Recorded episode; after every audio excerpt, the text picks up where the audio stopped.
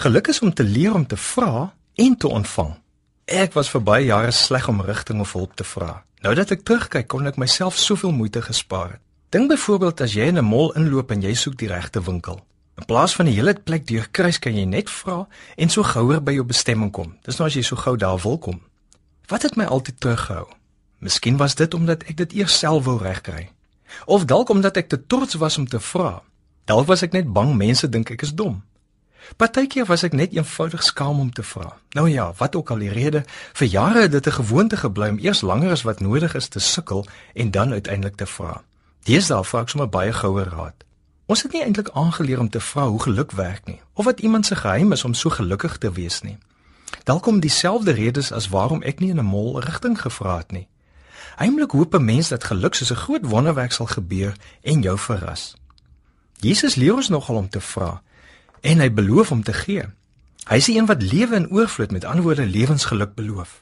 In Matteus 7 vers 7 staan: Vra en vir julle sal gegee word. Soek en julle sal kry.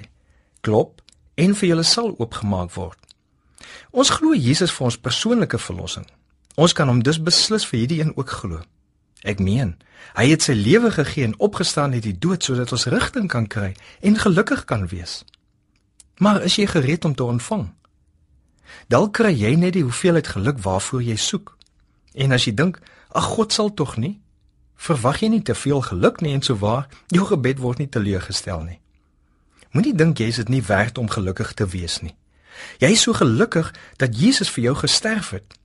So baie werd het hy jou geag om sy lewe vir jou te gee sodat jy lewensgeluk kan ervaar.